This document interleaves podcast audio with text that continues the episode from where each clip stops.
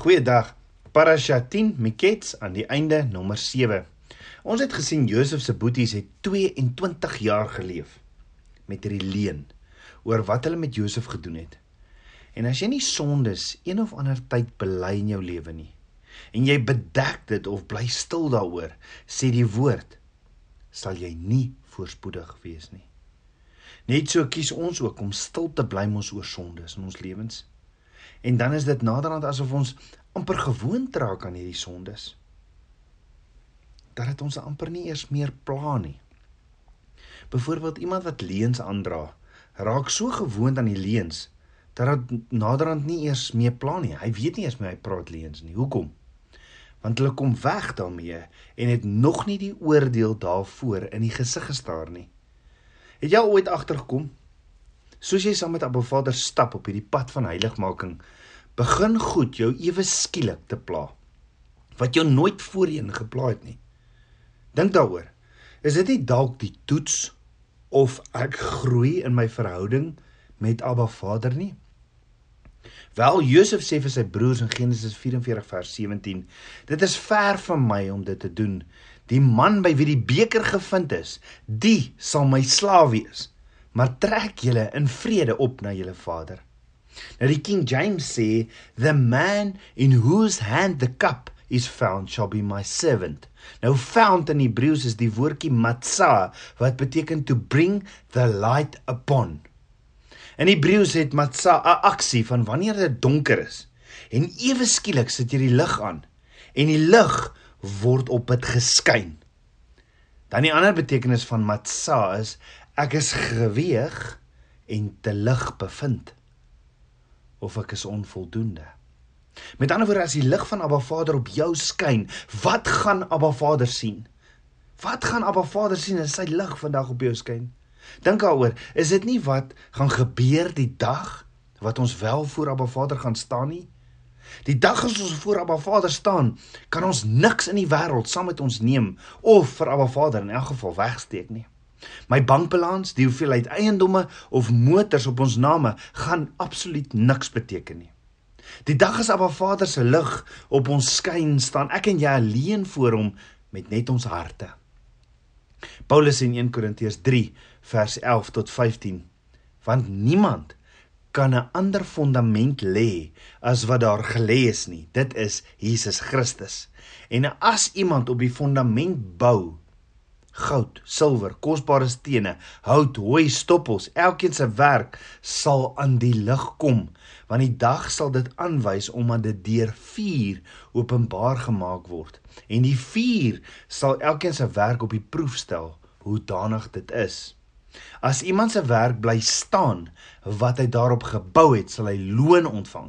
As iemand se werk verbrand word, sal hy skade ly alhoewel hy self gered uh, alhoewel hy self gered sal word maar soos deur vuur heen.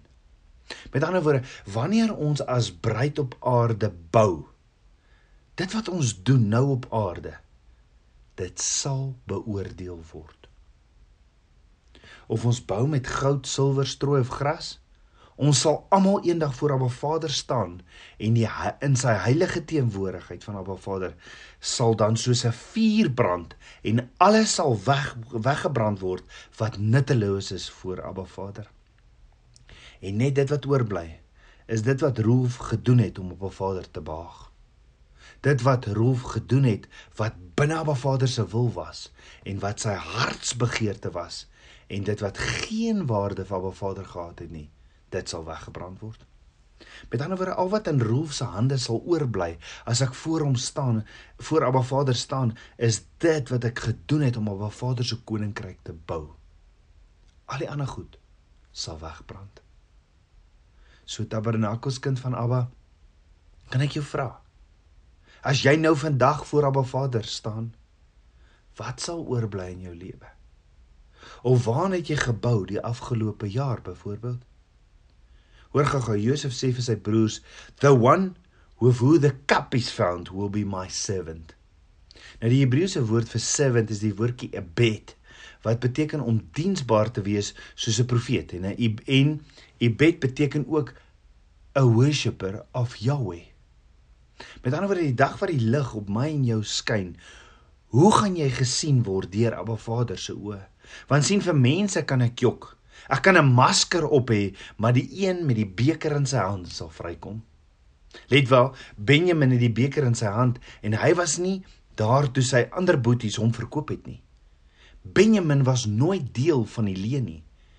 Benjamin het nie sy pa of vir jo Josef verkoop of sy pa mislei nie. Benjamin staan met die beker in sy hand. Hy's diensbaar, hy's 'n worshipper of Yahweh. So hoekom is Benjamin 'n goeie getroue dienaar en 'n aanbidder van Abba Vader? Want onthou hy's nie skuldig aan sonde nie. Hy en hy staan met hierdie silwer beker in sy hand. Jy sien wanneer ek en jy gekonfronteer word soos Josef se broers met die waarheid van Abba Vader se woord, sal die Heilige Gees Ruach HaKodes vir ons die sondes uitwys want jy gaan soos Benjamin met die beker in jou hand gaan jy met hom begin jy met daai beker in jou hand kan staan. En die vraag is, wat gaan jy doen as Heilige Gees vandag vir jou wys daar's nog hierdie sonde of hierdie leuen in jou lewe? Spreuke 28 vers 13 sê: Hy wat sy oortredinge bedek, sal nie voorspoedig wees nie, maar hy wat dit bely en laat staan, sal barmhartigheid vind. Nou voorspoed in Hebreëus is tsalach wat beteken to push forward of om vorentoe gedruk of gestoot te word. Met ander woorde, hy wat sy sondes wegsteek of bedek, sal nie vorentoe gestoot of beweeg nie. Nee, hy sal stagneer. Hy sal net daar bly en hy sal nie kan groei in Abba Vader nie. Maar hy wat sy sonde bely en dit laat staan, nie verder doen nie, sal barmhartigheid vind. Bely hierso in Spreuke 28 is die Hebreëse woordjie yada. Nou ons het dit al baie bespreek, maar ek gaan dit weer noem. Yada het verskillende betekenisse. En die eerste betekenis is om om bewys te word om ekskuus om bewus te word van iets wat Abba Vader jou wil leer. Ek word ewe skielik in my wandel saam met Abba Vader bewus van van 'n instruksie. Iets waarvan ek nooit voorheen bewus was nie. Want wat is sonde nou weer? 1 Johannes 3 vers 4 sê elkeen wat die sonde doen, doen ook die wetteloosheid, want die sonde is wetteloosheid. So ek word bewus van hierdie sonde iets wat Abba Vader my leer. Die tweede betekenis van Yada wat volg op ek word bewus is ek leer. Maar om wat te leer? En dit bring ons by die derde betekenis van Yada en dit is om die waarheid te leer of to know the truth. Die vierde betekenis van Yada is om in ooreenstemming te kom dan daarmee. Met ander woorde jy kom in ooreenstemming met dit wat Abba Vader jou leer oor waar jy dalk sonde doen dan beteken jy daar ook jy aanvaar hierdie leiding van Abba Vader. Jy is nie in rebellie nie. Dan die laaste betekenis van jy daar is om bereid te wees om dit te gehoorsaam en om dan daarop te reageer in geloof. Dit nie weet te doen nie. Dan ja, daar se Hebreëse prentjies, se prentjie wat geskets word vir ons is hierdie aksie van 'n klein seentjie wat voor sy pappa staan en sê of vir sy pappa wys, "Tel my op." Hoekom is dit die prentjie van daar? Want dis wat Abba Vader sien wanneer ek en jy ons sondes bely. Dis 'n reaksie wat in die gees gebeur wanneer ek my sondes bely. Dis 'n uitreik na my hemelse Vader toe om my op te tel en my toe te vou met sy liefde. So Spreuke 28 vers 13b sê, maar hy wat dit bely en laat staan, sal barmhartigheid bevind. Die Hebreëse woordjie vir laat staan is azav wat beteken to loosen or to abandon what's left behind. Met ander woorde, as ek my sondes bedek of toemaak of ek verdedig my sondes die hele tyd, sal ek nie vorentoe kan beweeg in die droom wat Abba Vader vir my het nie. Maar as ek my sondes bely en my hande uitsteek na Abba Vader toe en dit wat in die verlede is afsny en ek bely dit voor hom, sal ek barmhartigheid vind. Barmhartigheid in Hebreëus is ragam wat beteken to fondle, to love, to have compassion. Met ander woorde letterlik in 'n Vader se arms in liefde vertroetel te word dat hy jou kaddel. So wat se goed moet ek en jy dalk vandag by Abba Vader se voete neerlê? Kan jy soos Dawid vandag vir Abba Vader vra? Psalm 139 vers 23. Deurgrond my o God. Ken my hart, toets my en ken my gedagtes en kyk of daar by my 'n weg is van smart en lei my op die ewige weg. Hoekom nie vandag trots en hoogmoed neerlê en nie bang wees om voor Abba Vader jou sondes te bely nie. Jy sien om jou sondes voor Abba Vader te bely is nie 'n teken van swakheid nie, nee, dis 'n teken van ek wil op, ek wil in Abba se arms opklim. Hoekom verder verskonings maak oor die sondes in my lewe? Hoekom dit nie bely nie? Hoekom nie vandag soos Josef se broers die sonde wat al 22 jaar terug gedoen is, bely nie? Want dan kan ek ook mos soos Benjamin met die silwerbeker in die hand staan en Abba Vader aanbid in waarheid en in gees as sy diensknegt. Dis 'n aksie wat die bruid van Yeshua heilig, want in Abba Vader se teenwoordigheid beklee hy ons met homself en hy vorm en vou ons. Abba Vader kan dit net doen as ons in sy hande is en ons hom toelaat dat hy my of ons skoon maak, vorm en ons vou. So die dag as Abba Vader se lig op my en jou val en skyn, sal ons dit sal ons sit sonder sondes? Sondes wat reeds bely is? Sal ons sit met die silwer beker in ons hande wat erken sal word as 'n dienaar en aanbidder van Jahweh Elohim, die enigste lewende God? So dink daaroor. Hoekom was daar nogal 'n silwer beker in Benjamin se sak? Hoekom is dit nogal spesifieke silwer beker? Silwer reg deur die woord verteenwoordig verlossing. 'n beker in Egiptiese godsdiens gebruik vir waarsêry of om een of ander toekoms te sien. 'n Beker in Abba Vader se woord word reg deur die woord gebruik vir seëninge of vloeke. So dis hierdie seëninge. Dis hierdie seëninge, uh, verlossing en seëninge of vloeke. Nou in Psalm 23 vers 5b sê Dawid: "My beker loop oor." Dis hierdie guns of seëninge van Abba Vader waarvan Dawid praat. Dan sê Psalm 16 vers 5: Die Here is deel van my erfenis en van my beker. U onderhou my lot. Met ander woorde, die beker verteenwoordig ook hierdie erfdeel van Abba Vader waaraan ek kan deel wees. Dan sê Psalm 116 vers 13: Ek sal die beker van verlossing opneem en die naam van die Here uitroep. Die Hebreëse naam vir verlossing is wat nou weer? Yeshua. Yeshua se naam is verlossing. Met ander woorde, die psalmdigter sê ek sal die beker van Yeshua opneem as bruid en die naam van die Here my God aanroep. Wie sal dit doen?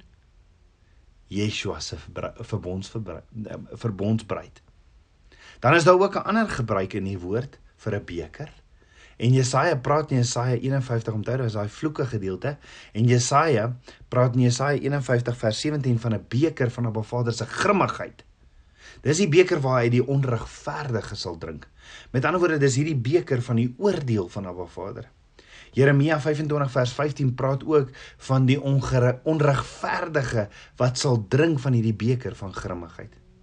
Dan sê Psalm 11 vers 6 tot 7, hy sal op die gorrelose vangnette vuur en swavel laat reën en 'n gloeiende wind sal die deel van hulle beker wees. Want die Here is regverdige, hy het geregtighede lief, die opregtes sal sy aangesig sien. Dan in Openbaring 16 vers 19 gee Abba Vader vir ons die onregverdige, die die beker met die grimmigheid van sy troon. Die vraag is van watter beker gaan jy drink? Want sien jy gaan een van die twee bekers drink. Net soos Josef se broers het ek en jy die keuse. Gaan ons ons sondes bely en terugkeer na Ba Vader toe in verbond of nie? Benjamin staan met 'n silwerbeker in sy hand want hy's deel van die verbondsbruid en vir my en jou om deel te word van die verbondsbruid moet ons ons sondes bely en van die beker drink wat Yeshua verlossing ingestel het toe hy gesê het in Matteus 26 vers 27 tot 28 vir sy bruid toe neem hy Yeshua die beker en nadat hy dit gedank het gee hy dit aan hulle en sê drink almal daaruit want dit is my bloed die bloed van die nuwe testament wat vir baie uitgestort word tot vergifnis van sonde. Met ander woorde, ek neem hierdie beker wat my lei tot belydenis of bekering om deel te word van die verbondsbruid. Jy sien al Josef se broers kon gekies het om Benjamin te los alleen. Dat hy alleen teruggaan na Josef toe. Maar hulle het nie. Hulle het nie. Hulle kom almal voor Josef. Hulle pak al hulle goederes op, hulle kom terug. En hulle kom staan almal voor Josef of hulle het nog nie geweet as Josef nie of sy Egiptiese naam Tsavnat Paneah wat beteken the giver of life, the giver of bread. Hulle kom staan voor the giver of life, the giver of bread te staan en toe hulle almal bymekaar kom, toe is al 12 broers stamme daar die huis van Israel en die huis van Juda. Almal bymekaar om te drink van die beker van verlossing. Maar hoor gou die woord sê, toe hulle die silwer beker in Benjamin se sak vind, toe skeer die boeties hulle klere en hulle elkeen laai toe weer hulle esel en hulle gaan toe na die stad toe terug. Hierdie teruggaan eh, is die Hebreëse woordjie shuv. En dit is dieselfde woord vir bekering of in Engels repentance. Met ander woorde om om te draai, om terug te loop na die een wat lewe gee. Net so Tabernakels kind van Abba. Elke keer as ons ons sondes bely en tot belydenis kom, drink ons van die beker van Yeshua. Maar as ek weier en ek my sondes verdedig en regverdig en ek in hierdie eie ek hoogmoed vas staan, dan's dit 'n onbelyde sonde wat my gaan terughou, wat my seëninge gaan steel soos dit gesteel het by Josef se broers vir 22 jaar. As ek nie my sondes voor Abba Vader bely nie, sal die sonde teen my getuig. So hoekom is die silwer? Hoekom moes dit 'n silwer beker nogal spesifiek in Benjamin se sak wees? Hoekom in Benjamin se sak? Onthou Benjamin was nie deel van die leuen, die sonde nie. Hy was die enigste een wat onskuldig was. So hoekom in Benjamin se sak? Dis 'n prentjie van Yeshua. Want die een wat onskuldig was aan die sonde, het die silwer beker in sy hand en sal die beker van grimmigheid van Abba Vader drink sodat die ander kan vry wees. So het Yeshua die beker gedrink Yeshua het die beker gedrink. Want Yeshua sê in die tuin van Getsemane in Matteus 26 vers 39: My Vader, as dit moontlik is, laat hierdie beker by my verbygaan. Nogtans nie soos ek wil nie, maar soos U wil. Yeshua die beker van oordeel gedrink sodat ek en jy vry kan wees om terug te gaan na die belofte, die droom van Abba Vader. En om met ons Vader te verenig. Kom ons bid saam. Aba Vader, skepper van my hart, ek loof en ek prys U. Vader, ek wil vandag my sondes by die voet van die kruis kom neerlê. Vader, ek wil my knieë val en voor voor U buig. Vader, ek wil my hande uitstrek en sê Vader, ek wil op. Ek wil op, tel my op, Vader. Vader, kom was my met die waterbad van U woord deur grond my hart en wys of daar iets in my is wat my terughou, sondes is wat ek wat ek nog nie voor U bely het nie, wat ek nie eens van weet nie. Vader, Vader, ek wil op in U arms, meer en meer van U. Meer en meer van U geheimenisse, U verborgde manna. Manna. Ek bid dit alles in Yeshua Messie se naam, die seun van Jahwe. Shalom.